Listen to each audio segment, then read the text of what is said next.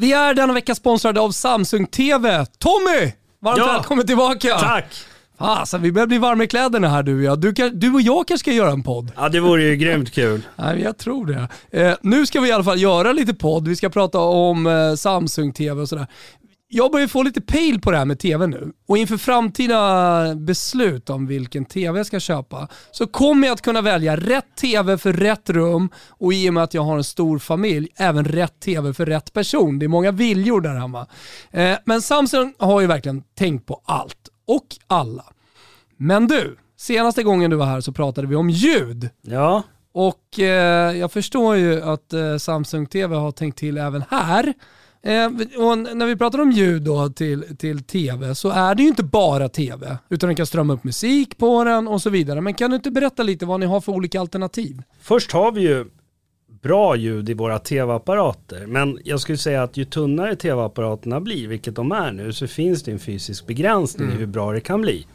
Så att soundbar är ju viktigt för att få den ultimata upplevelsen när du tittar på en film eller tittar på sport, att du får med ljudet.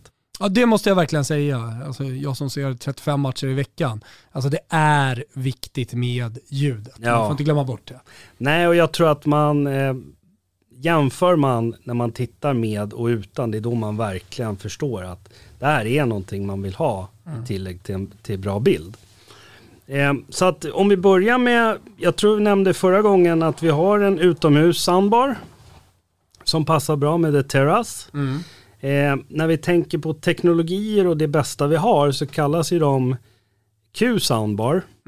Och där har vi något som kallas Q-symfoni. Jag måste ändå slå ett litet slag för det. För att, Och då får man in en symfoniorkester. ja men typ. Så att eh, köper du en Neo-QLED eller har du en Neo-QLED hemma, då har du faktiskt... har ju jag. Ja, du har det.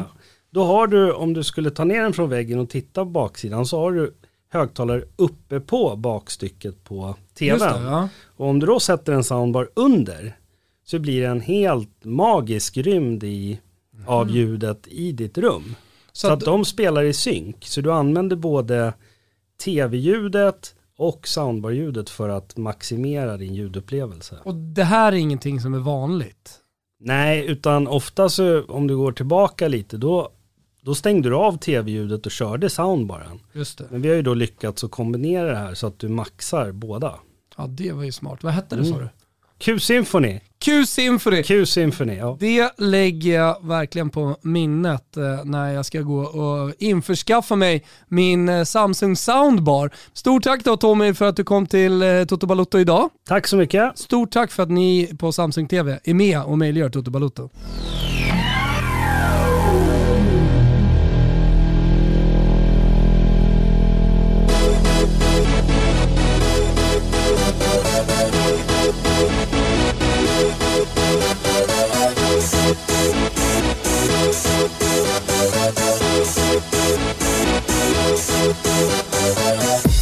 For this? Känner varmt välkomna till Toto Balotto. Det är torsdag den 10 juni. Imorgon så drar det igång Europamästerskapet 2020 som jag har eh, noterat att det fortfarande kallas, även fast det spelas 2021. Det sparkas igång 21.00 imorgon fredag med premiären på Stadio Olimpico i Rom mellan Turkiet och Italien. Hur fan är det med EM-peppen Thomas Wilbur José Wilbacher? Nej men det är helt otroligt, jag satt precis här innan och snackade med Olen Klint och höll på att planera Tipslördags eh, premiärhelg. Eh, och eh, lyckades få upp honom från Bjärred på, nå- på något sätt, så att eh, det, det börjar kännas så jävla bra. Vi, vi skiljs ju åt men vi är ändå alltid med varandra, Toto rullar ju på, det vet ju, det vet ju alla om vid det här laget. Två gånger i veckan under hela mästerskapet, sen exakt vilka dagar, det får vi, det får vi fila lite på va Gusten? Minst va? Minst två dagar i veckan. Ja, det kan mycket, mycket väl bli Det är ju Totos till. paroll. Ja, nej men exakt, det är minst två dagar i veckan. Så att, eh, vi kör på, eh, men just under matcherna så kommer vi då vara separerade. Du är på Simor och jag är i våran studio på K26, där, som vi har utökat nu, vi har även en utestudio Gugge, så att eh, vi, liksom, vi hoppar lite emellan. Ja, det ska bli, ska bli väldigt roligt att, att följa Tipslördags parallella EM-bevakning då med Ja.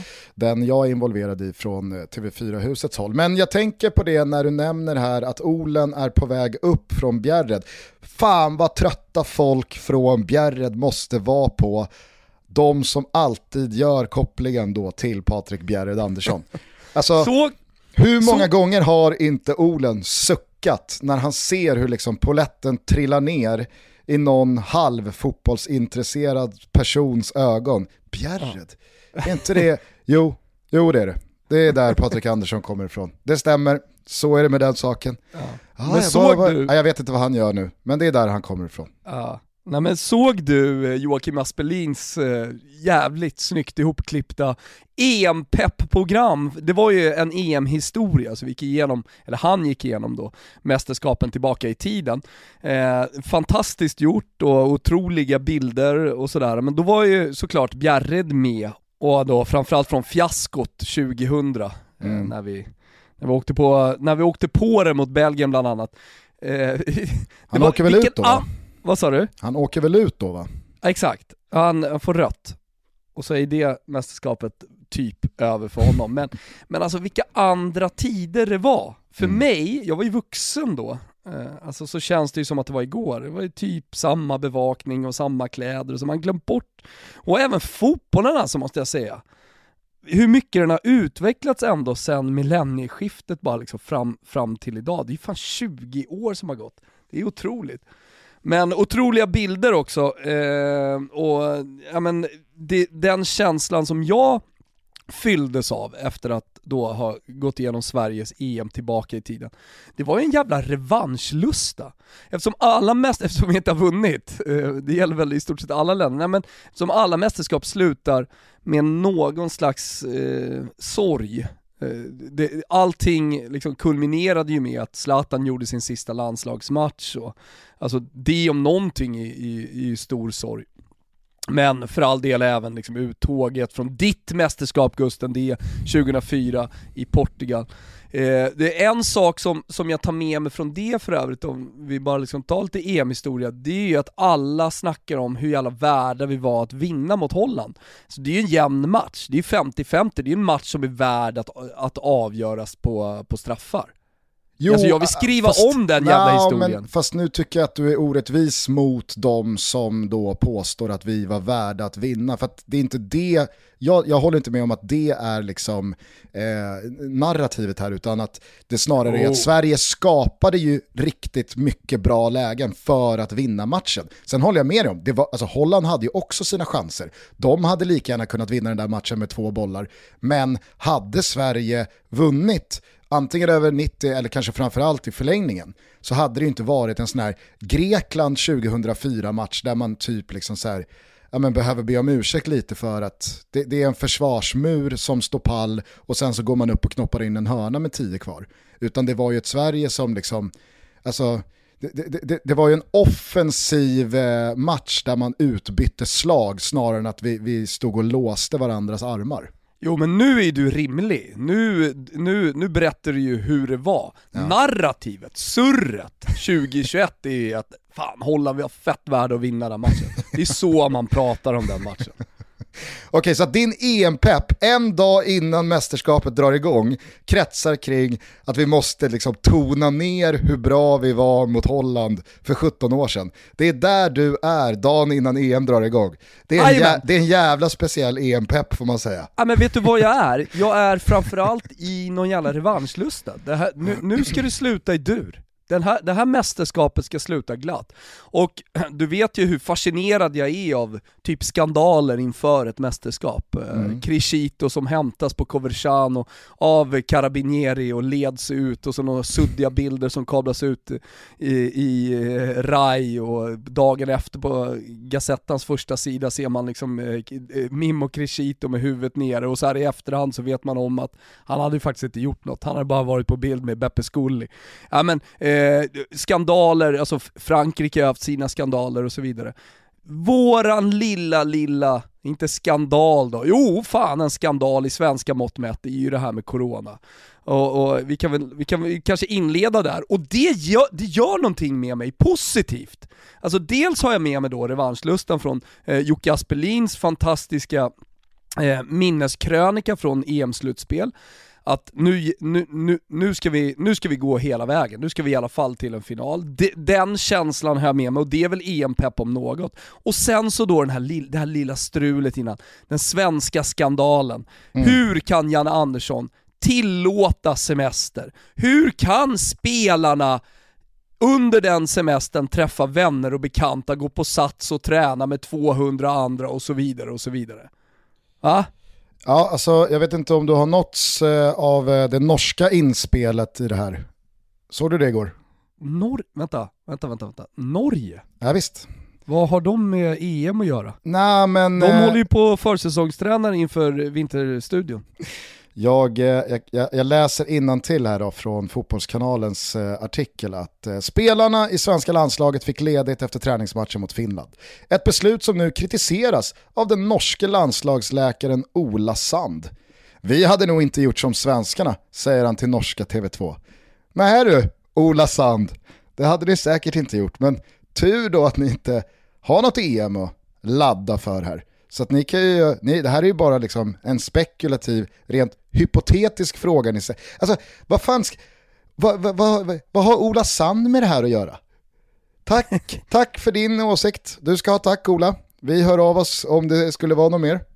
Men eh, nu Men, önskar vi en jag, trevlig jag semester till det norska landslaget. Så gnuggar vi på.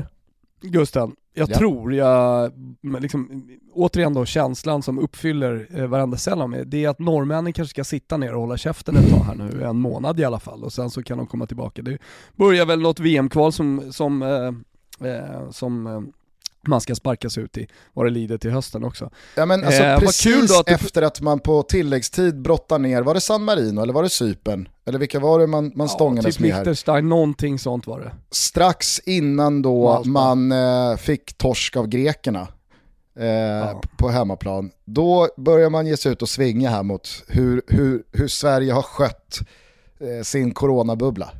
Alltså det, nu, får fan, nu får norsken knipa ett tag här. Ja, nu får norsken knipa ett tag, men kan vi bara liksom återgå då till eh, det här som jag ser som positivt inför den svenska premiären med, med, med, med en skandal.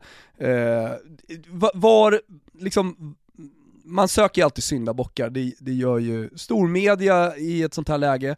Ja. Hur, hur tänker man som spelare när man hänger med polare och går på hemmafest i, i Västerort Eh, hur tänker man, så tänker jag i alla fall, hur tänker man som ledare när man äntligen är i ett mästerskap, man har en hel nation bakom sig, man har förberett allting i minsta detalj. Det pågår faktiskt fortfarande en pandemi, men det är frihet under ansvar. Det är det svenskaste av det svenskaste. Det är frihet under ansvar. Ut och gör vad ni vill, pippa, träffa polare, men vi har lite coronarestriktioner, tänk på dem. Va? Vi är stolt sponsrade av Explora. Och för er som inte har hört talas om Explora tidigare så kan det väl enklast eh, förklaras som barnets första mobiltelefon. Och till skillnad från till exempel en smartphone så är Explora helt utvecklad och anpassat för barn. Så det är inte en produkt som en eh, platt platta eller en, eh, ja, en smartphone då som egentligen är utvecklat för vuxna och sen då ges till barn. Utan den här klockan är anpassad för barn. Men det är inte bara en klocka. Våra barn kan ringa med den och ta emot samtal av eh, godkända kontakter. Det är alltså föräldern som bestämmer vilka dessa är. GPS i den, du kan alltså hela tiden se ditt barns position och det vet ju jag som har tre barn att det är ganska skönt när de ska gå till och från skolan så kan man bara kika in.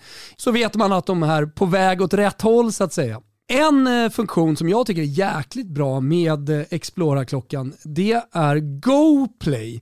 Som till exempel då eh, räknar barnens steg dagligen. Så man kopplar klockan, alltså sin Explora, mot aktivitetsplattformen GoPlay. Och sen så tjänar barnen fiktiva mynt på varje steg de tar. Till exempel 1000 steg då är ett mynt. Och för mynten så kan barnen handla produkter såsom en trampolin, lego, Nintendo Switch och annat. Det finns en kamera i den här, ni har ju hur många bra funktioner som helst eh, i en produkt alltså skapad för barn. Gå in i närmaste Elgiganten butik till exempel och bekanta er själva. Kolla in denna fantastiska produkt från Explora. Vi säger stort tack för att ni är med och möjliggör Toto Balotto.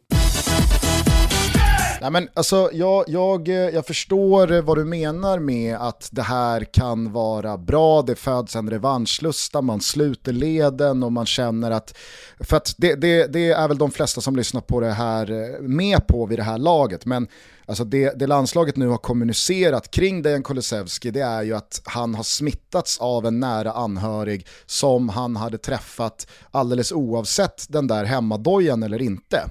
Eh, men det blir givetvis en jävla olycklig eh, kombination av att de här bilderna kommer ut i samband med att han blir positiv. Sen så är det ju på liksom hela organisationen att det här leder till att förmodligen då även Mattias Svanberg testas positivt.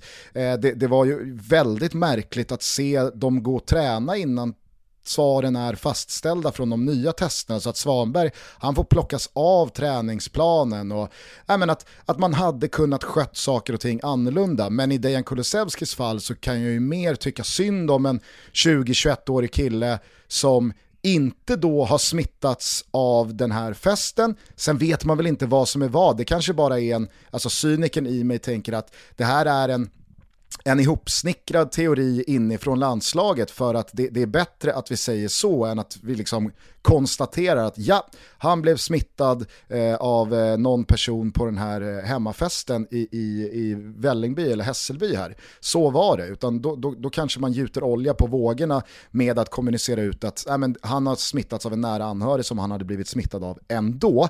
Vad vet jag? Jag väljer att lita på landslaget i det här fallet och tro på den versionen. Det gör ju att jag samtidigt känner en jävla empati för Dejan Kulusevski som nu efter en, ett otroligt genombrott på mindre än två år i Italien och Serie A och han har liksom sparkat in dörren till landslaget, skulle här gå in i sitt första mästerskap, kanske inte från start mot Spanien men med alla förutsättningar för att få sitt stora, stora genombrott, att göra skillnad. Nu sitter han isolerad i en lägenhet i Stockholm och, och landslaget är i Göteborg, han får inte följa med till Spanien. Alltså det måste vara sån fruktansvärd jävla ångest i den där lägenheten just nu. Och det måste vara så många mörka tankar och så mycket liksom, känsla av orättvisa och fy fan vad fel allt blev, kan jag bara få skruva tillbaka klockan? Och på detta så kommer liksom eh, alldeles för mycket skit i sociala medier och folk som har åsikter om att han, alltså det, det ska vi ha jävligt klart för oss, att Dejan Kulusevski har ju med besöket på den här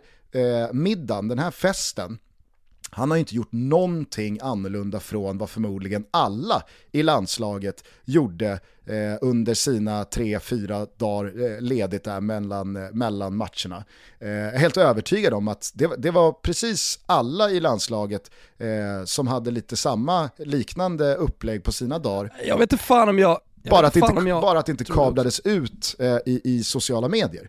Jag vet inte fan om folk hängde i en liksom, trång lägenhet med, med en massa pers. Men jag ska bara säga det, eh, det stärker ju min revanschlusta-känsla här nu att Dejan Kulusevski kommer tillbaka till förhoppningsvis då match två. Utvilad, pigg och fylld av samma känsla som jag har inför det här mästerskapet, att han vill visa världen någonting. För det är den typen av människa, har man ju förstått, uh, han är. Sen, alltså det jag... Men det går ju inte att komma ifrån att uh, vi de facto blir av med en alltså potentiellt väldigt utslagsgivande spelare i gruppens tuffaste match. Att vi dessutom blir av med Mattias Svanberg, ja men okej, det, det, det kanske inte är två klockrena startspelare som försvinner, men ponera att eh, Albin, eh, Albin drar, eh, han drar baksidan här på näst sista passet eller eh, det, det börjar strula med någon ljumske ja men då är det nog inte omöjligt att det hade varit Mattias Svanberg som hade ersatt honom.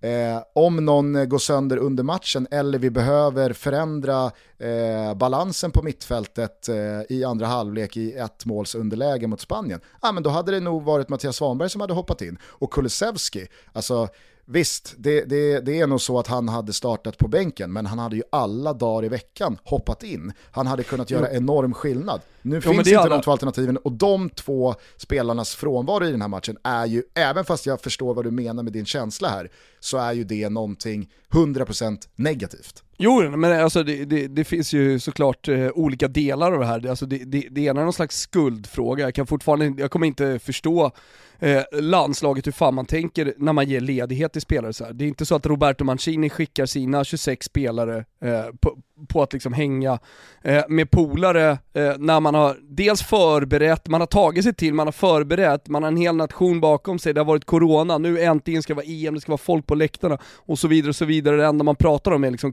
coronabubblor. Sen, sen eh, applicerar man något frihet under ansvar på spelare och skickar ut på ledighet. Vad fan är det för jävla ledighet? Det måste ju finnas någonting man kan göra för att förbereda sig som är bättre än att folk springer på ledighet inför Armenien. Det tycker jag är helt hjärndött. Sen så är du inne på det här att ja men Svanberg han är inne och tränar med corona. Hur, de, hur är ens det möjligt? När man vet om att Dejan är sjuk. Sen så är ju så här, det jag hör från lite olika håll är att han blivit smittad av sin pappa, alltså Dejan. Eh, och visst, så, så kan det väl vara, men jag hör också folk som ser andra spelare på ja, men välbesökta gym i Stockholm med, med flera hundra eh, personer som är där. Alltså herregud, det, det, frihet under ansvar, coronabubblan, den där bryts ju direkt du bara går in i det där omklädningsrummet. Så, så, så det är uppenbarligen flera här som inte har fattat. Och, men, jag skulle inte vilja, alltså så här, det är klart det finns en skuld på spelarna, men jag kan inte förstå hur man två veckor från en fucking EM-premiär skickar iväg spelarna på någon ledighet. Det måste finnas ett bättre sätt att förbereda sig på, corona eller inte corona. Nej men framförallt, framförallt så är det ju helt uppåt väggarna och huvudlöst när man parallellt med det här pratar så mycket som man gör om bubblan, nu går vi in i vårt, vi har bytt hotell i Stockholm för att kunna ha en takterrass för att spelarna ska kunna vara mer utomhus men inte i närkontakt med någon annan. Eh, hela jävla upplägget handlar ju om, inte bara för svensk del, utan för hela liksom Uefa och mästerskapet. Allting handlar om corona och det, är liksom så här, det, det, det kan inte vara någon som tänker Fast om vi, bara, om vi trycker in tre dagars ledighet mitt i allting, så, kan, Nej, så, kanske, men, så kanske saker och ting löser sig ändå. Ja, men ska jag, landa man, måste, man, måste ju, man måste ju ha vetat om att de här tre dagars ledighet, det gör ju att allt, allt blir bara liksom upp och nervänt och vi får börja om på noll igen. Ja, men alltså ska jag landa i någonting med allt det här, och ska vi sätta någon slags punkt på det och börja blicka framåt mot det här mästerskapet, så är det ju att det, det är liksom landslagsledningen med Janne i toppen här som gör fel det, det, det, börjar där, det sätter igång alltihopa. Och sen så är det ju såklart idiotiskt att gå på fester eller på gym eller vad man nu gör. Eh, men att, att, att landslaget ens skickar iväg spelarna inför den här Armenien-matchen, det kan jag, det kan jag inte förstå. Ja. Men eh, nevertheless, alltså, fan, jag, jag, jag, igår så satt jag liksom och tänkte på hur Kulusevski måste må i den där lägenheten just nu. Ja, han mår säkert skit. Men alltså, det finns på, också på Gusten, de som mår ännu mer... sämre. Ja, ja, herregud, såklart. Men på något sätt så, liksom så landade det i att fan, det, det, det, tog överhanden snarare än att jag var liksom så irriterad på hur, hur landslaget har lagt upp den här uppladdningen. Eh, men eh, nu är det som det är, det är bara att hoppas att eh, det stannar vid Kulusevski och Svanberg. Det är bara att hoppas på att det stannar vid att de testar positivt men mår bra, då är det ju vissa spelare som så fort man testar negativt kan vara up and running igen och som du är inne på kanske är redo rent av till eh, match nummer två. Eh, Ponne var ju lite hängig igår men eh, mig veteligen så har ingenting kommunicerats om något positivt eh, testsvar utan eh, det är bara det är bara att hoppas att han är lite hängig. Ja, nej men det har inte kommit någonting igen. Det var ju lite roliga bilder som kom ut när han satt och ja, men satt bredvid Mattias Svanberg i, i någon slags chatt eller vad det var och sen så eh, kom uppgifterna från eh, Fotbollskanalen och Expressen att eh, han var lite hängig. Mm. Det, det, hade folk lite roligt åt, men vi får hoppas att det, det är stopp här. Att det inte blir fler coronafall. Spanien har ju också stora problem och de, eh, de har ju skapat en egen liten ny bubbla med reservspelare som bara umgås med varandra och tränar. De bedriver en egen liten parallell mordutredning. de driver en alldeles egen liten utredning här där borta i, i, i Spanien. Eh, men det kan jag tycka, så här, där, där, där kan jag nog tycka liksom att Sverige har en bit kvar till liksom, maximal professionalitet. På ett sätt kan jag gilla liksom, det svenska omklädningsrummet från 80-talet eh, med eh, alltså, skruvdobb och lera på knäna och man går ut och kör. Eh, men men liksom, ska vi ta nästa nivå i organisation så kan jag ju tycka att vi ligger liksom lite efter. Jag kan också tycka att det ska finnas en plan B, plan C. Och jag, jag kan också tycka så att det ska kallas in 6-8 spelare som, som bara tränar på egen hand, kanske nere i Båstad, bor ihop och hänger ihop. Eh, för att eventuellt, om det blir så att det blir ett rejält coronautbrott, alltså så här, fan vi, vi, visa, att det, visa att det finns en plan B, visa lite professionalitet här. Men framförallt, skicka aldrig iväg spelarna på någon jävla minisemester inför ett mästerskap igen. Och det, det, har, det har absolut inte bara med corona att göra, utan jag tycker inte att det finns plats för den jävla semestern. Nej, men fast i synnerhet när coronan existerar och är så påtaglig som den är. Då, Då är mer, då mer än någonsin. Jag är all for, alltså till skillnad då från dig. För mig är det helt okej att man får tre dagars le, tre dagar ledighet efter en träningsmatch och sen så ska man ladda Men om. vadå, och det är ju EM, vad är det jävla ledighet nej, du men ska jag, ha? ja, men jag säger bara att så här, jag, jag har inga problem med det.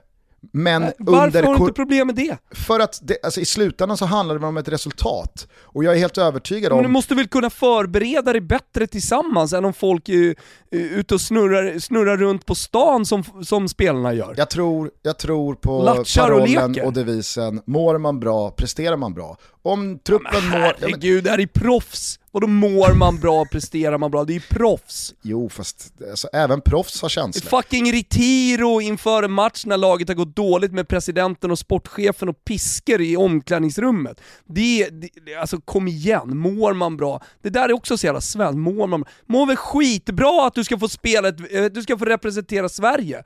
Janne sa det ju själv i, våra, i vårat avsnitt, gul och gul avsnitt, eller i vårat avsnitt med honom. Eller hur?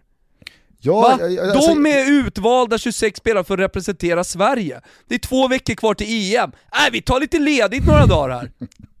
Helt okej säger jag, så länge det inte bedrivs en jävla sars-virus luftburet över hela världen som ingen direkt har missat på ett år och fyra månader. Där känner jag att där kanske det inte var så smart. I Där går din lilla gräns. när mästerskapet är präglat av och liksom uppbyggt på hur man ska kunna undvika coronan i största möjliga mån. Då är det inte läge att släppa iväg truppen och sprida dem vind för våg över landet. Nej, det, det är väldigt, väldigt märkligt. Men ett vanligt mästerskapsår där det inte finns någon covid eller sars eller liksom vad det nu är, ja men vad fan, om man gör bedömningen eh, både från ledarhåll och spelarhåll att äh, men jag, jag tror nog att vi, vi mår nog allra bäst av, både i träningsveckor, förberedelser och vad gäller fysisk status av att spelarna får lite ledigt. De har chansen här nu efter en lång och märklig jävla säsong, möjlighet att träffa lite familj och vänner och koppla bort i två dygn. Sen återsamlas vi igen, laddade batterier och då är det fullt fokus. Inga problem. Jag tror att det kanske rent av stärker en grupp. Jag håller med dig. Herregud, det är fullblodsproffs som bara ska göra som de blir tillsagda. De kan man låsa in i en korridor uppe i Alperna i tre månader också. Det är bara att Det är köra. inte det det handlar Nej, om. jag säger Det handlar om bara... en förberedelse två Absolut, veckor inför ett säger- mästerskap. Du måste bara- ju kunna optimera den förberedelsen mycket bättre än att skicka ut folk i, liksom på stan i, i tre dagar eller hänga med familjer eller vänner eller vad fan man ska göra. Eh, Jag tror, tror du Italien, Frankrike och Portugal och England, tror de skickar ut sina spelare på lite ledigt tre, eh, tre dagar eh, när, det, när det återstår två, dagar, två veckor till EM-premiär? Nej, Tror du det? det tror jag inte. Nej. Men jag säger med det inte att det är garanterat att det gör laget bättre. Och det är det jag menar. Men, Givetvis måste du kunna förbereda, träna hörnor, träna vad fan som helst. Det är väl hur mycket... Vi har ju för fan Mackan. Danielsson. Ja, Jan, alla förbundskaptener säger dessutom att vi måste ha, vi, jag vill ha mer tid, det är för lite tid inför ett mästerskap. Janne sitter och säger det i, våra, i våran podd också. Ja, man hinner inte förbereda, man hinner inte träna på så mycket, för det är inte så mycket tid egentligen när, när, när det väl kommer omkring. Det kanske låter mycket de här tre veckorna innan eller vad det nu är, men, men, men det är inte så mycket tid, man hinner inte träna på så mycket. Men det finns tid att åka på semester i tre dagar! Nej men kom igen, nej där får du aldrig med mig. Alltså. Nej, men du får inte med mig heller att vi behöver träna på hörner för vi har fucking Mackan Danielsson. Vår, Vår Mackan. Mackan. Herregud. Alltså det är lugnt. Hörner, Ja. är, det, hörner är det minsta problemet. Det hoppas, jag Blanka att du, skallen. det hoppas jag att du är jävligt medveten om. Kina-degen. Exakt, blanka pälsen. Toto Balotto är sponsrade av Sonos och de har ju lanserat Sonos Roam, en högtalare som man har med sig på precis alla äventyr oavsett om man är i båten, man är på stranden nu när sommaren kommer. Varför är den här så bra? Jo, men det finns flera anledningar. Den är IP67-klassad vilket betyder att den är helt vatten och dammtät, alltså vattentät ner till en meter. Det här är någonting som man är väldigt sugen på att testa. Ta med sig den till poolen eller vad vet jag, ner till sjön eller havet eh, och höra hur, eh, hur, hur låtarna låter eh, nere under vatten. Den är jävligt snygg om jag får säga mitt. Den finns i vitt och svart. Den väger bara 0,5 kilo så den är helt smidig att ta med oavsett om man ska resa någonstans eller om man bara vill slänga med den i strandväskan. Den spelar upp via bluetooth och eh, wifi när man är hemma. Ni går in på sonos.com och läser mer om den här prylen. Se till att skaffa er en Sonos Roam inför sommaren. Toto Balotto säger stort tack till Sonos.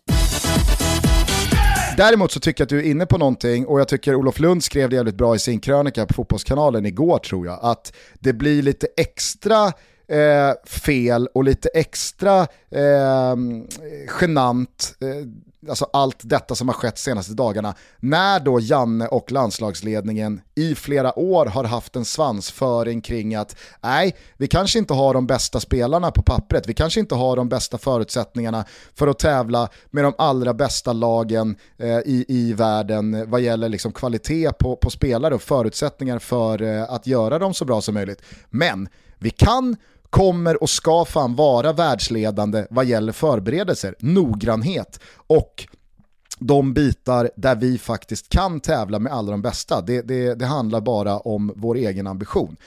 I liksom ljuset av sådana uttryck och en sån svansföring så blir det ju lite löjligt när liksom Svanberg får plockas av träningen. Man har gått till kollektiv träning med vetskapen om att Kulusevski är positivt testad och man har inte fått tillbaka svaren på övriga. Eller så har kommunikationen bara fastnat någonstans mellan då läkarteamet och den sportsliga ledningen. Man har då, som du är inne på, ja, men, delat ut en, en tre dagars ledighet här som har landat helt fel. Man har ingen eh, parallell eh, bubbla med 6, 8, 10 spelare som håller igång och är då beredda på att hoppa in ifall det skulle krävas. Likt Spanien och en del andra länder och så vidare. Där blir det lite så här, men hur var det egentligen med det här eh, världsledande förberedelsetänket att där så ska vi vara bäst i klassen? Ja, nej, det, det är vi ju sannerligen inte. Och vi jag har sannerligen inte de förutsättningarna heller tror jag. eh, Att vara bäst i klassen vad det gäller förberedelse. Fast jag det är ju det Janne har sagt i flera år, det vet Ja. du. Ja, jo, man kan säga det hur mycket som helst. Eh, Jag, jag kan bara gå tillbaka till 2016 när Antonio Conte kallade 40 man direkt efter ligorna var slut. Körde stenhård fys för att sen släppa upp inför då att allting skulle börja. Där var det liksom inga Pierre Bengtsson-tårar så att säga. Eh, utan eh, det kommer kuttas här var tredje dag som jävla idoluttagning. Och de, som är, de, de 23 då som, är, som väljs ut, de, de ska vara redo. Och det, det, var liksom inget, det var inget gnäll i media kring det kan jag säga. Jag såg inget gnäll på folket i det, utan eh, det, det, det, man ska vara glad om man får vara bland de 40 och få gå ner och köra idioten på Coverciano. Det är förberedelse för mig. Tre dagar ledigt, det är inte förberedelse för mig. Jag såg framför mig här nu hur Conte inför EM16 satt på Oscarsteatern ensam på en bänkrad och så stod hela 40-mannatruppen och så var det bara chorus line. Och så ska en och en sjunga en refräng och sätta dit tonerna. Misslyckas man, där är dörren, ut höger. Du, du har inte det som krävs. Vet du vad som når mig nu? Eh, Eh, nej. Via, via oraklet här, eh, hur många, det är väldigt mycket frågor kring, eh, kommer det vara publik, alltså generellt sett, till oss, men eh, även på stan så att säga. Kommer det vara publik på arenorna och hur mycket folk kommer släppas in?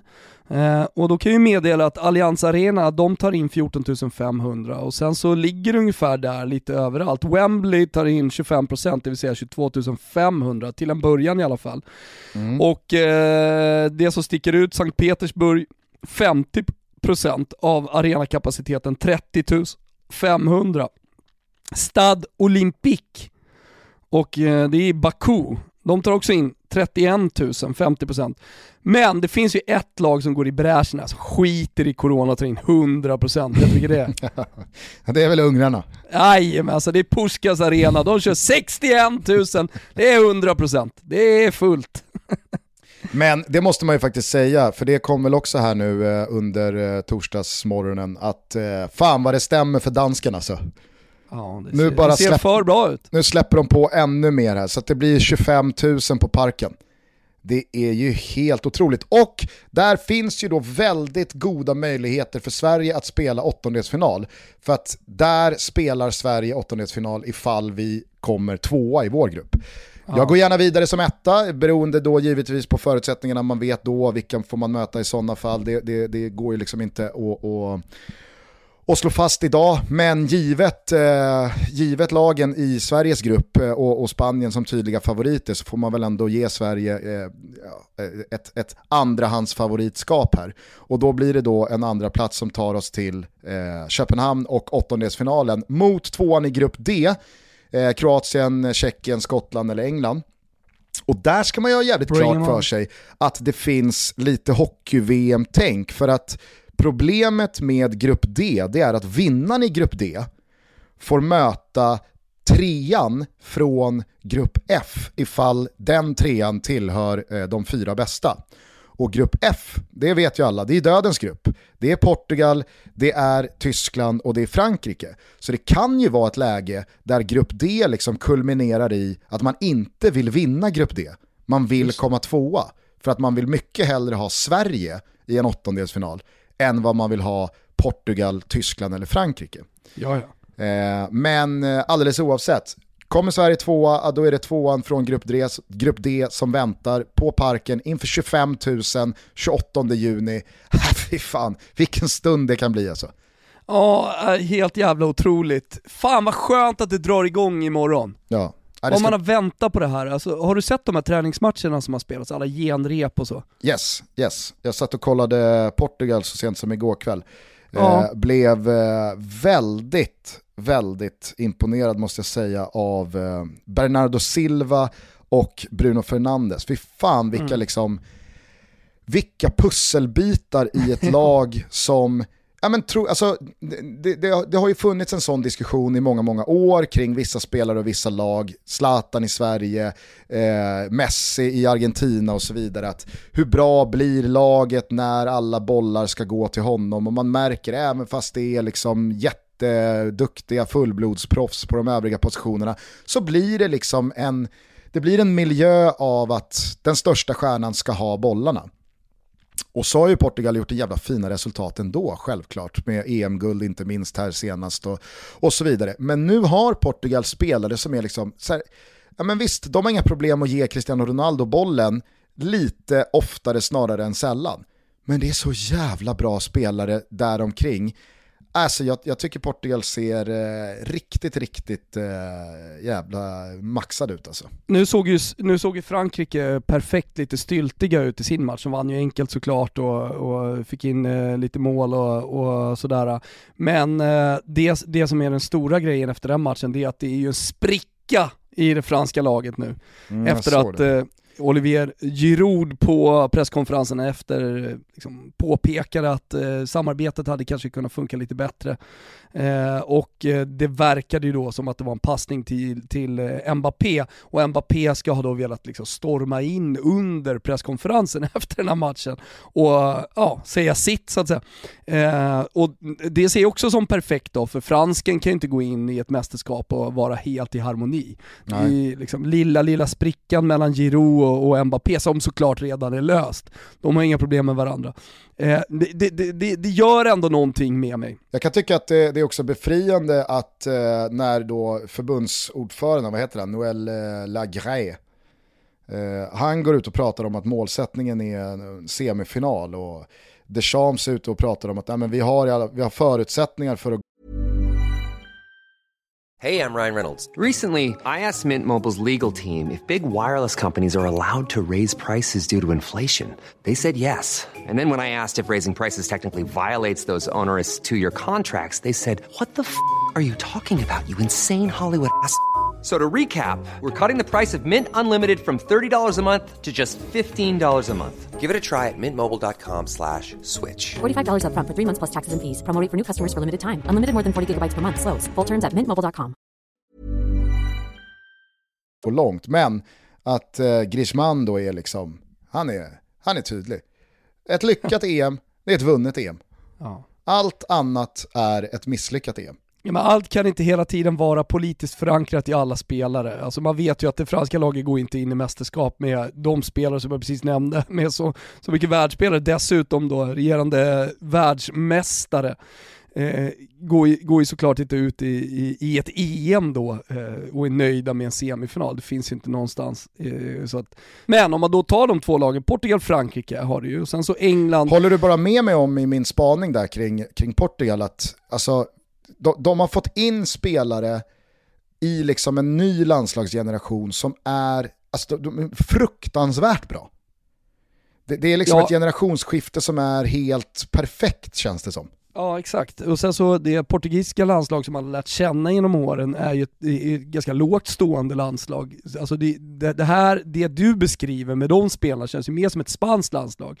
Mer, mer som ett eh, tiki-taka-spelande landslag. Och det var väl lite så det såg ut mot Israel också, nu är man ju överlägset mycket bättre. Men det ska bli intressant att se dem möta de bästa lagen i EM sen och se hur man rent taktiskt, hur man, man kanske gör upp med sig själva och sin eh, landslagshistoria, hur man brukar spela fotboll eh, som portugisiskt landslag. Nu när man har de här, eh, som du säger, pusselbitarna i laget också. Ja, och jag tycker att Portugal, det pratade ju vi eh, om i höstas när Sverige mötte dem två gånger, att alltså, Portugal imponerade så jävla mycket rent taktiskt för att de visade upp både förmågan att äga bollen, dominera med kombinationsspel och kortpassningar och, och verkligen liksom luckra upp lågt stående kompakta försvar. Men de kunde även dra tillbaka trupperna, gå på omställning och då smäller det ju bara i djupet. Inte bara för att de har fart under fötterna utan att de har så precisa passningsfötter på inte minst Bruno Fernandes, men då liksom Moutinho, Bernardo Silva,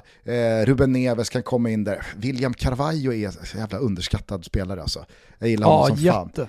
Eh, Ja. Men så jag, jag tycker att det finns en flexibilitet i Portugal som är, den, den är, den är riktigt, riktigt vass. Men såg du Portugal igår mot Israel? Ja, absolut. Tänkte du lite på samma sak som jag kring Ronaldo? Att man börjar märka en frustration i honom för att det känns som att alltså i tio års tid, efter att Cristiano Ronaldo lämnade de här liksom överstegsfinterna och tricks och, och liksom jox eh, på Old Trafford, gick till Real Madrid och blev bara en liksom fysisk fenomenal målmaskin. Eh, alltså, under de tio åren så var det ju inte så att han liksom fintade upp spelare på läktaren och gjorde saker ingen såg komma, utan det var ju bara att han, han var snabbare än alla andra, han var starkare än alla andra, han hoppade högre än alla andra, han sköt tillräckligt hårt, man visste vad som komma skulle, men det gick liksom inte att försvara sig emot det för att han gjorde det för bra, för snabbt, för liksom skillat.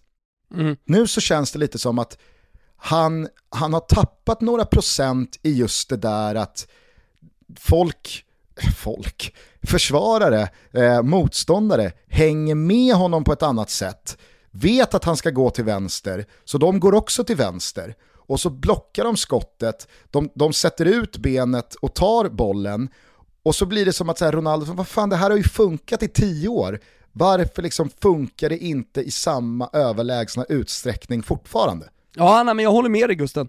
Eh, finns det ju den jävla auran på planen hela tiden. Alltså, det, förut, jag tror att den stora skillnaden för mig är att förut så, så hade man alltid blicken på Ronaldo. Vad ska hända? Var befinner han sig på planen? Eh, vad ska han hitta på nu? Medan man kikar på Portugal eh, nu och igår mot Israel, så tänker man kanske inte så jävla mycket på Cristiano Ronaldo. Eh, utan man bara liksom följer med i, i det portugisiska spelet och imponeras av flera olika spelare och olika aktioner på planen. Och sen så dyker han upp med ett avslut eller så. Han är liksom en del av det här portugisiska laget. André det, Silva, det är ganska mysigt. André Silva kom ju från en jättefin säsong i, i Frankfurt och Tyskland, men man ser ju att han är inte på de här spelarnas nivå väl i landslaget. Jag, ty jag tycker det ser mycket bättre ut när Cristiano Ronaldo spelar eh, central anfallsspets. Och så får eh, Bernardo Silva och Diego Jota och Bruno Fernandes få flyta runt där. Cancelo kommer som ett pendeltåg där till höger. alltså, Nej, jag, jag, jag, tror, eh, jag tror Portugal, eh, får de bara liksom inför 61 000 i Budapest, får de bara en bra start här, då, då, då tror jag att de blir riktigt obehagliga.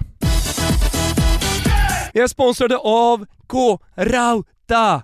Ja men vi älskar K-Rauta i Toto Balotto, det vet ni att ni gör också. Nu njuter vi av soliga, härliga dagar. Jag har faktiskt tagit min mick och sitter här ute på altanen och myser lite. Och nu är det ju uteveckor på K-Rauta. Jag tycker att du ska gå in i ditt varuhus eller gå in på krauta.se för att få inspiration. Följ också deras Instagramkonto. Vad är då uteveckor? Ja, men det är ju som det låter såklart. Alltså, inred uteplatsen för att få en perfekt fotbollssommar. Se till att fixa grillen eller ett loungeset inför EM. Och på k så hittar du ju precis allting. Och eh, spetsa öronen till eh, nästa vecka för då kommer vi ha en grym kod tillsammans med K-Rauta. Så länge så surfar ni in på krauta.se eller besök något av eh, deras varuhus. Börja bygga ditt EM-häng. Och när du börjar bygga ditt EM-häng, ja, då börjar det såklart på krauta.se eller i något av deras varuhus. Vi säger stort tack för att ni är med i Toto Balotto. Ciao! Och favoriterna då? Nu är Frankrike, jag vet inte om du har sett det, men nu har ju de gått om England och är knappa odds-favoriter. Ja men det, det är väl rimligt. Ja det är väl superrimligt. På tal om England, såg du, eh, läste du Pavlidis headlines i morse? Nej. Då rapporterar alltså, jag blev så jävla nedstämd av det, måste jag säga. Eh, Daily Star har på sin frams framsida “Beer We Go” och så är det en bild då på Declan Rice eh, photoshoppad, ganska dålig photoshoppad bild. Eh, Declan Rice ansikte på då en supporter som håller upp en pint bash iklädd då landslagströja och en flagga runt halsen. Beer We Go, lite festligt, lite fyndigt. Och då tänker man, eh, Okej, vad handlar det här om? Är det liksom, eh, har, har landslaget eh, tagit en, en, en repa på stan här in, inför premiären? Eller vad, vad, vad handlar det här om? Nej, då har alltså Declan Rice lovat, lite festligt sådär va, nya generationen att om England vinner EM, då kommer han försöka dricka sin första öl i livet. Alltså, har du hört något så jävla deppigt? Det är ju, det, jag tänkte säga att det deppigaste jag har läst de senaste dagarna var det här med att eh, landslagets presschef, vår gode vän Kakembo, hade druckit en lunchbärs under ja, något slags tillfälle. Och eh, att då landslaget hade eh, sagt till, han hade fått en varning typ. eh, Att Han hade vi- fått ta vi- ner bilden från Instagram där han då skickar ut på nationaldagen att ett rimligt och härligt nationaldagsfirande så sitter han då med Robin Quaison och Alexander Isak på landslagets takterrass i Stockholm. Kakembo har en bärs i handen och det här då strider mot landslagets Mm. policy kring att har vi landslagskläder på oss så dricker vi inte alkohol. Ja, men alltså, det, det får mig att eh, sluta vilja följa det svenska landslaget. Alltså, det får mig att vilja flytta från Sverige. Våran syn på alkohol i det här landet, alltså, det, det, det får mig att bara, alltså, bara ta mitt pick och pack och dra rätt åt helvete härifrån. Alltså. Det där gör mig så jä... Den där lilla grejen gör mig så jävla förbannad. Men då, pun intended, så kommer Declan Rice in från höger och säger “Hold my beer”. Ja, ja men, eh, ja. Alltså så här, alkoholförskönande hit och dit och det finns många med problem och alltså så här, visst, kommer det, jag är den första som kan allt det där.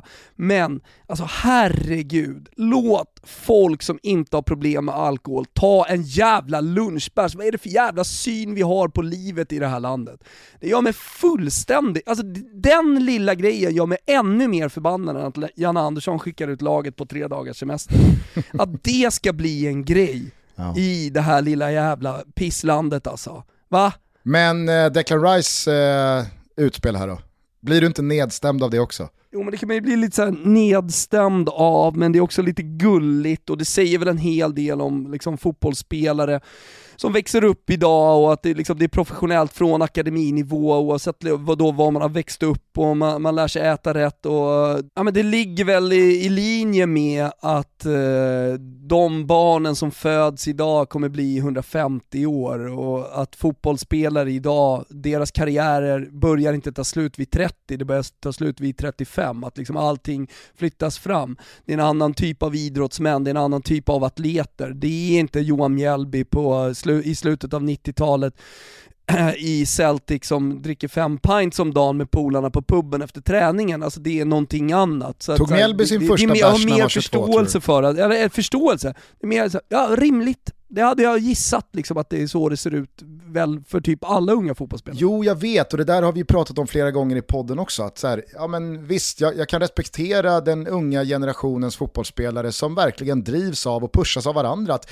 jag ska verkligen maxa min förmåga. Jag ska, jag, ska, jag ska titta mig i spegeln och veta att jag gjorde allt för att kunna bli så bra som möjligt. Om det inkluderar att avstå från både alkohol och andra saker som man vet bevisligen inte är bra för en, ja men då är det så. Och jag tror inte de lider så jävla mycket av det. Jag tror inte Simon Tibbling sitter tre dagar i veckan och liksom, åh vad torr i strupen jag är, fan vad gott det hade varit med en Alltså så här, han, han vet ju inte vad han har liksom avstått. Han, vet inte, han lider ju inte av att inte dricka alkohol eller inte dricka bärs. Och det gör väl förmodligen inte Declan Rice heller. Det jag blir nedstämd av, det är att så här, om, du, om, om du nu har valt det här spåret, om, om, om det är så, vad fan, Stå för det, jag har inga, inga problem med det. Men varför sätta en stövel på huvudet och knyta slipsen i pannan och liksom vara lite, ja ah, men då blir jag lite wild and crazy, då ska jag smaka på en bärs hörni. Ja, ja, ja. Det, det, är olika kulturer och, och allt det där. Jag, det där gör typ ingenting med mig. Alltså, det, varken åt något håll. Jag, kan, jag tycker inte ens att det är lite trist.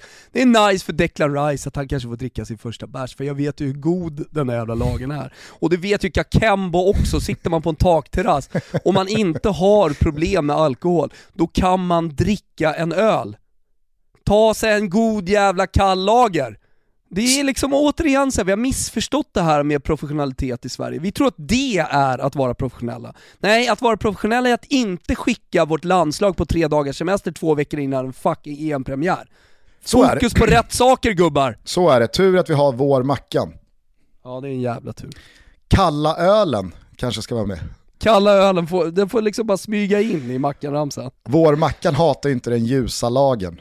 Nej det gör den inte, det gör den inte. Du, inför imorgon då, det är ju premiär Italien-Turkiet, eh, hur sänder ni på Simor?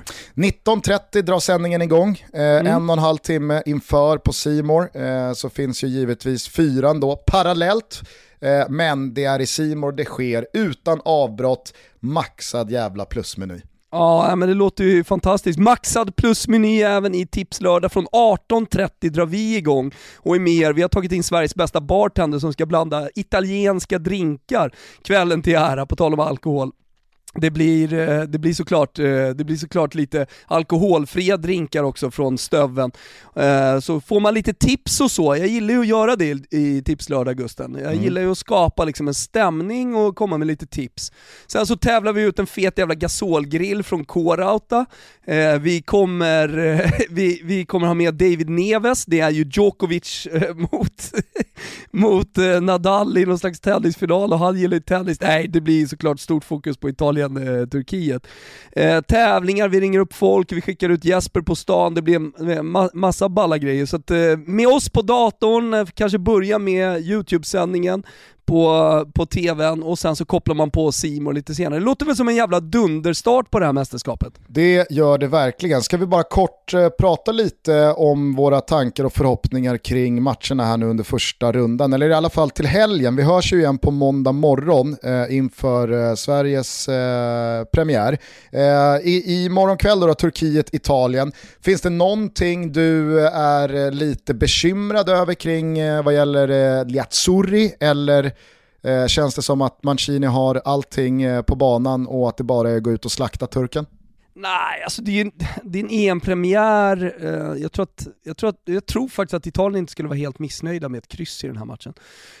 Men Oj. samtidigt så vet, kollar jag på den italienska startelvan när man kör med Spinazzola eventuellt då till vänster som är en jävligt offensiv vinge. i en fyrbackslinje. Och Florenzi på den andra sidan som också gillar att komma i, i, i räder. Och sen så då ett eh, klassiskt 4-3-3 med Berardi, Insigne, Immobile, rörligt, fantasifullt. Eh, ett mittfält med en Barella som gillar att komma in i boxen, Locatelli som gillar att ta avslut, gjort mycket mål i, i Sassuolo som central mittfältare i år. Jorginho som någon slags nav. Så här. Vad är eh, det senaste gällande Marco Verratti? När kliver han in på det där mittfältet? Han är skadad. Han är skadad, han är out. Ja, han är out. Ja, han kommer inte starta i alla fall. Det har varit klart ganska länge. Utan han kommer under mästerskapets gång. Eh, om inget alltså, mirakel sker, hej. Han har varit på, eh, på Coverciano här nu, han har varit på Forte Village också, de startade ju allting där. Du vet vad Roberto Mancini, på tal om professionalitet, gjorde dag ett när han hade tagit ut bruttotruppen på 30 spelare? Han vaccinerade dem. Han satte en spruta i armen på alla sina spelare. Oavsett om den där sprutan börjar gälla om en vecka, eller börjar gälla, bör, bör, börjar ge resultat och skydd och så vidare ju längre tiden går och kanske då framförallt efter två veckor så är det liksom redan innan EM-premiären. Eh, så, så det skadar ju inte, alltså min mamma vaccinerar, hon är, hon är numera eh, pensionerad sjuksköterska. Hon gör ju det där på tre minuter, sätter hon 15, 30 eh, sprutor i armen. Eh, jag, jag menar så här, professionalitet. Vad då ligga i framkant? Vi ligger ju så jävla långt efter det bara går. Alltså, a- a- absolut, så, så Ja, är det ju. Tack. Men, Tack. men där, handlar det väl, eh, alltså där handlar det väl om eh, beslut som inte Janne och landslaget kan styra över. Allt går att lösa. I Italien ja, i Sverige går inte allt att lösa. Det där går att lösa. I Det är Sverige, inga alltså, problem. det, det, vet du vad Om det där man är? organiserar Nej, men- sig så går det Nej, att lösa. fast, fast vet du vad det där är? Det där är ju sist i kön Gunnar Sverige. Mm. Och det, och det är det enda Sverige som existerar. Ja. Det finns, men bara det- ett. det finns bara ett Sverige och det är sist i kön Gunnar. Det gäller dig också. Och det är ju ett jävla problem man har. Alltså jag menar, Kakembos öl i eh, landslagspiké, att den bilden måste bort och att det liksom blir ramaskri kring det. Det är också en form av sist i kön Gunnar Sverige. Ja, det är det. Det är fan sannerligen. Hörni, vi är sponsrade av Stay Hard som brinner för mode och livsstil för män. På stayhard.se så finns ett brett utbud, både kläder, accessoarer, skor, face and body-produkter, träningskläder, tech och inredning. Men jag har ett annat budskap. Hörni, vi har ju väntat sjukt länge på avsparken eh, för sommarens stora, stora fotbollsfest. Och som av en händelse så startar idag sommarens stora rea på stayhard.se.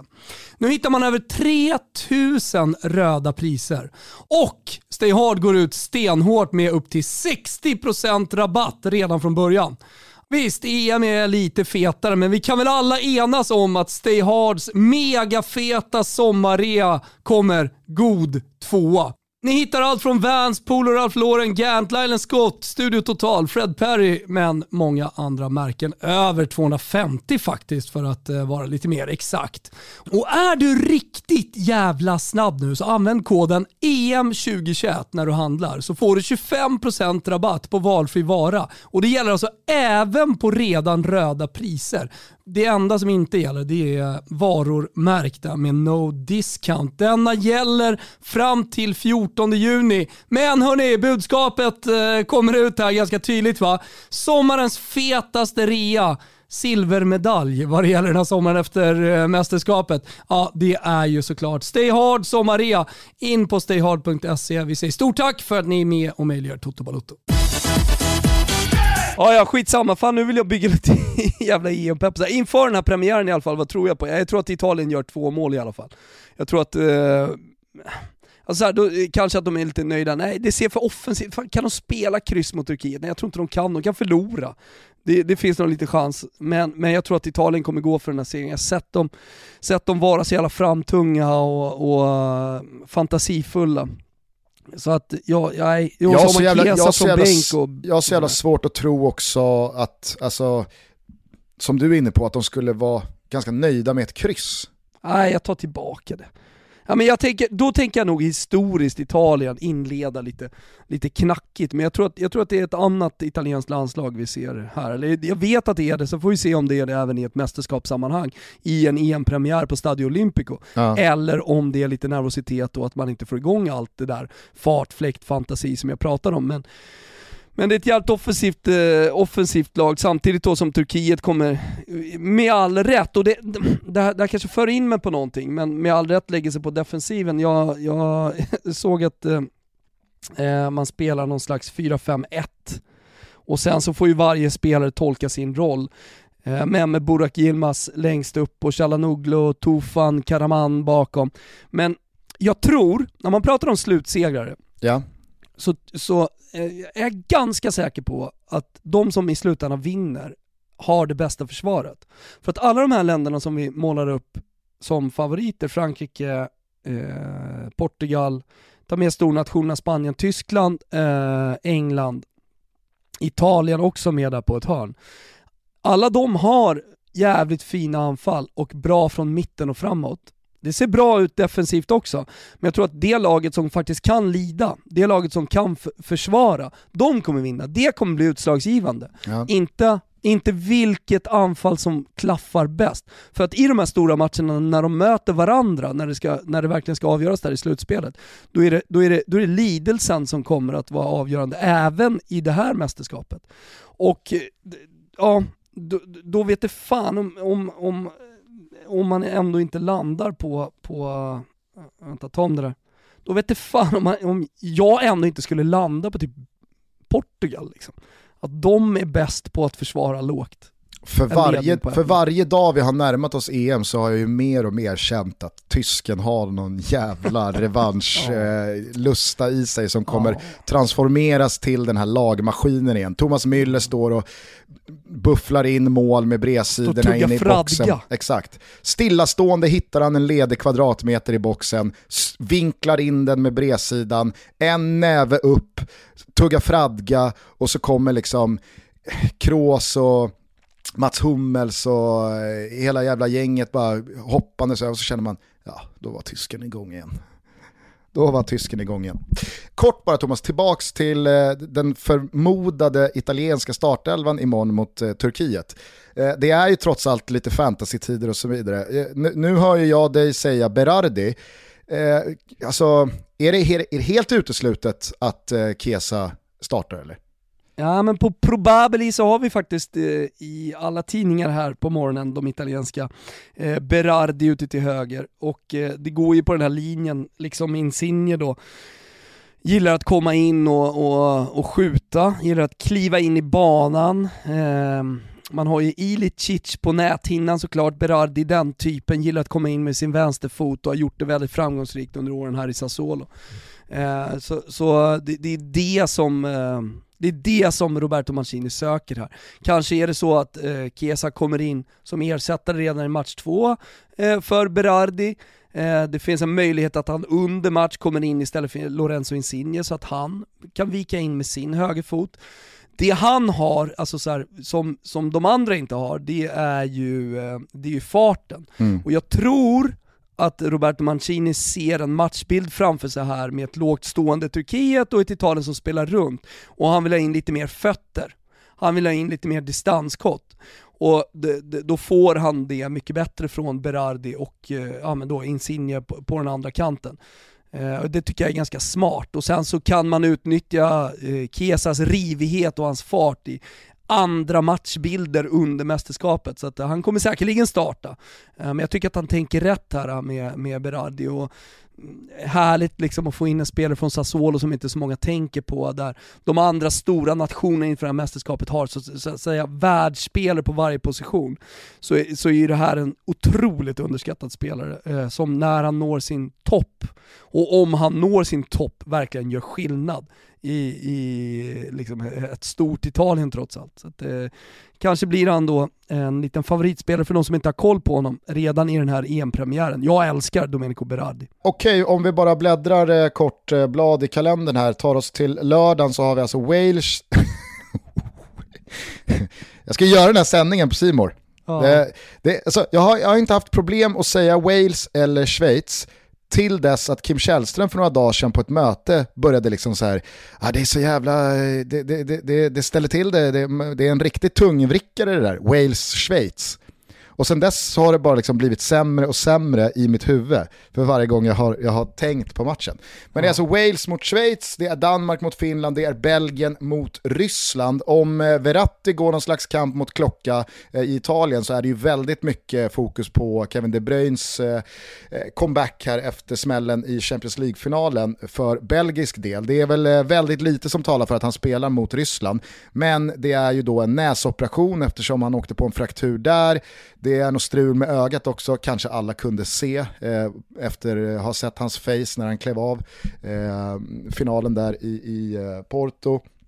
Men det går ju inte att blunda för att Danmark kan få en riktig jävla pangstart på det här mästerskapet när allting är uppeggat och uppsnackat kring dem för en succé.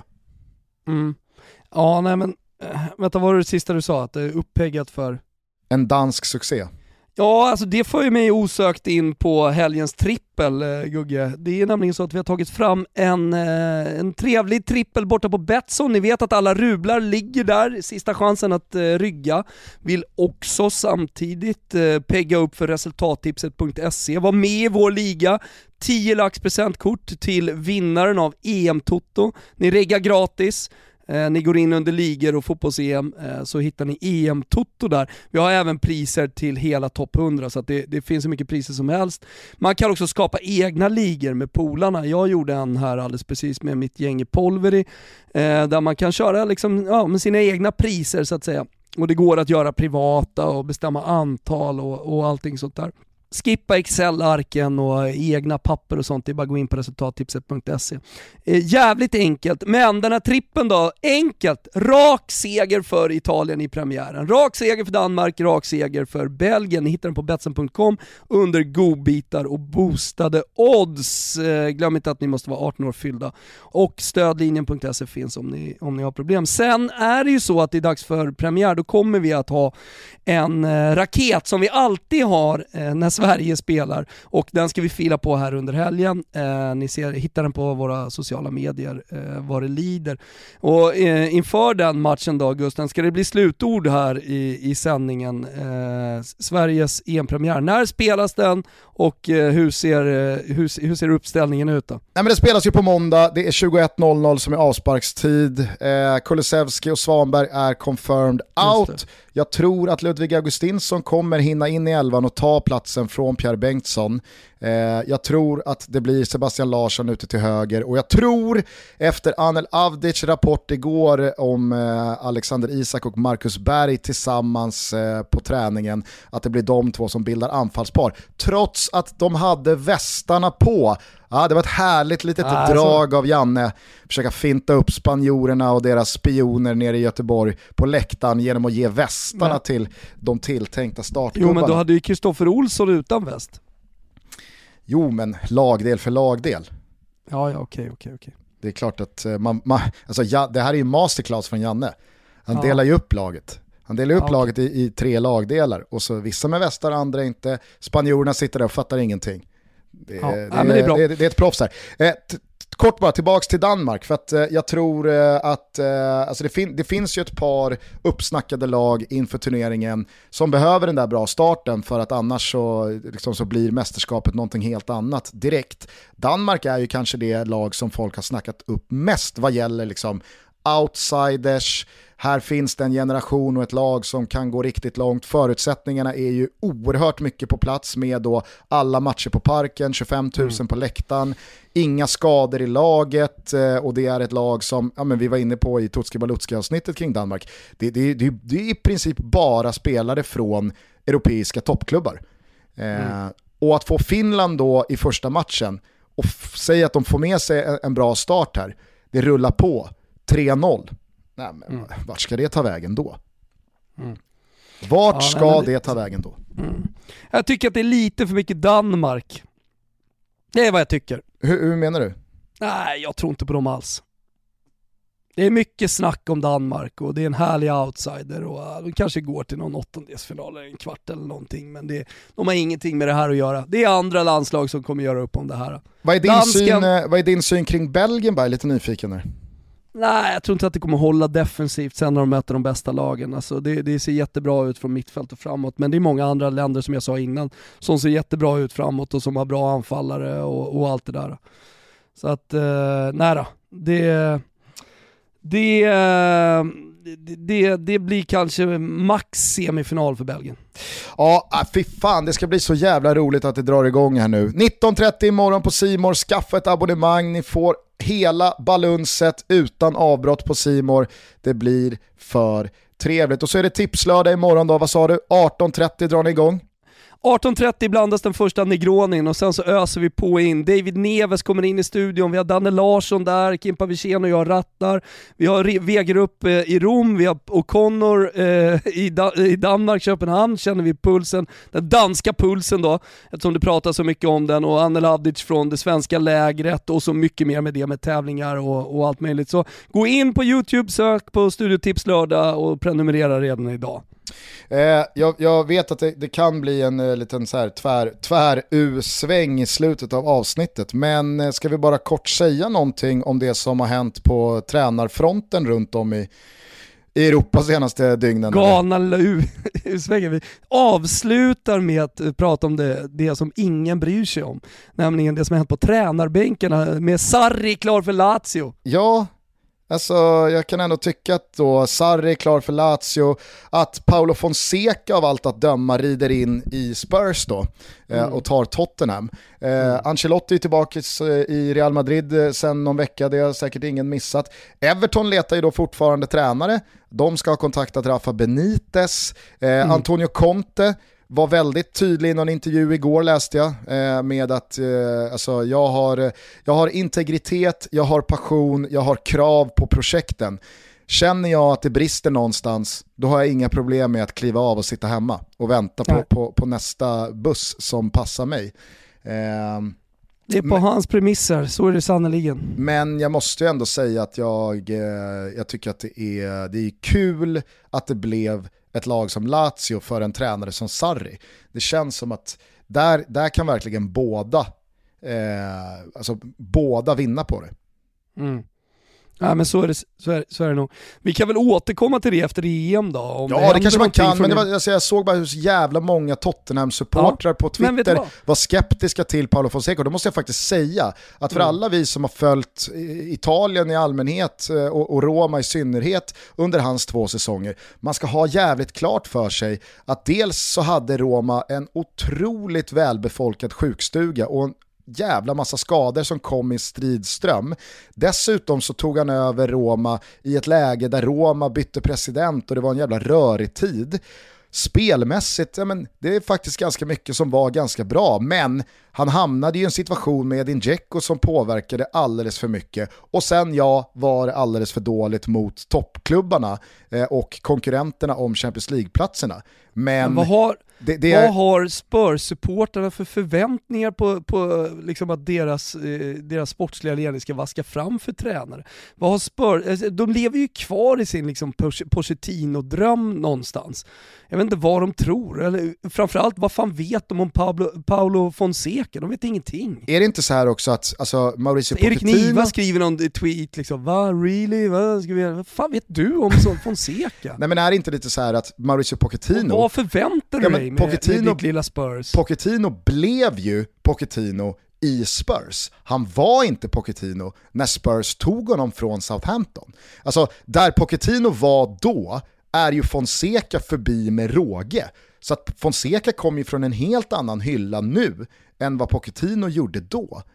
Och, och, och, Spurs alltså så här- ska sitta ner Ja, hela jag, jag, förstår inte det. Alltså, så här, jag är inte missnöjd med att Roma eh, går skilda vägar med Pochettino. Absolut inte. Men det, det, är inget, det är inget jävla skämt som rider in i London här nu. Alltså Paolo Fonseca, han är bra. Han är riktigt bra. Skämtet är väl deras tro på deras projekt eh, och eh, deras ständiga drömmande.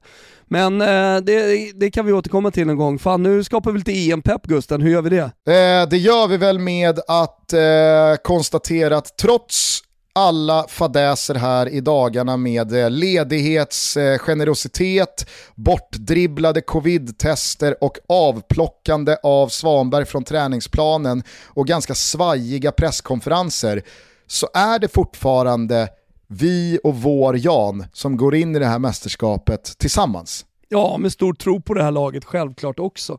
Även i den här premiären. Så att eh, vi avslutar väl helt enkelt det här avsnittet med nyinspelningen, nyversionen av Jag och min Jan som eh, vår gubbe Kalle har snickrat ihop med den äran.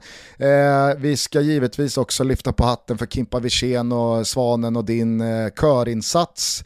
Eh, det, var, det var jävligt kul. Tack till all eh, härlig respons här som har kommit senaste dagarna på nyversionen.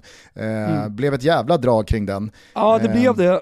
Många frågor kring Spotify, den kommer såklart ut där, men det är lite rättighetsgrejer som ska fixas och donas, så, så länge så får ni helt enkelt lyssna på den eh, via vår podd eh, och ni hittar det som ett eget avsnitt. Eh, Exakt. Då tar vi den här premiären eh, Gusten, vi bara omfamnar den och så kör vi igenom den. Det ska bli så jävla kul att det äntligen är igång! Ja, och nu är det som det är, nu är det bara att hoppas att det inte blir värre. Nu får vi lägga det här bakom oss och så går vi in i det här mästerskapet tillsammans. Nu sluter vi leden och så tar vi den där revanschen som Joakim Aspelins eh, minnesprogram fick dig att känna igår. Exakt, det är bra, precis vad vi gör. Hörru vi hörs och syns snart igen. Eh, ha en jävla fin EM-premiär, helg alla ni som lyssnar på det här.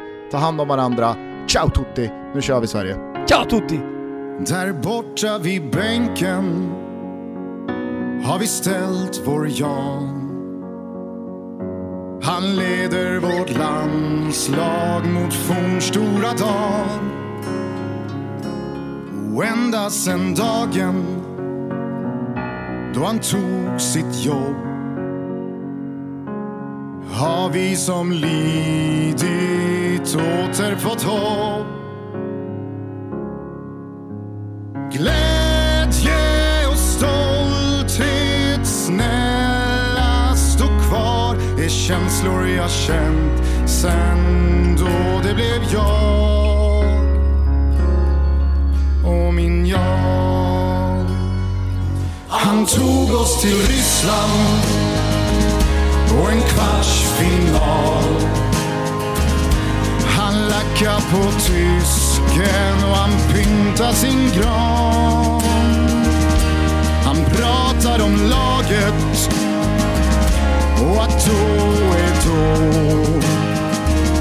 Han pissar på lättja och att någonting är svårt.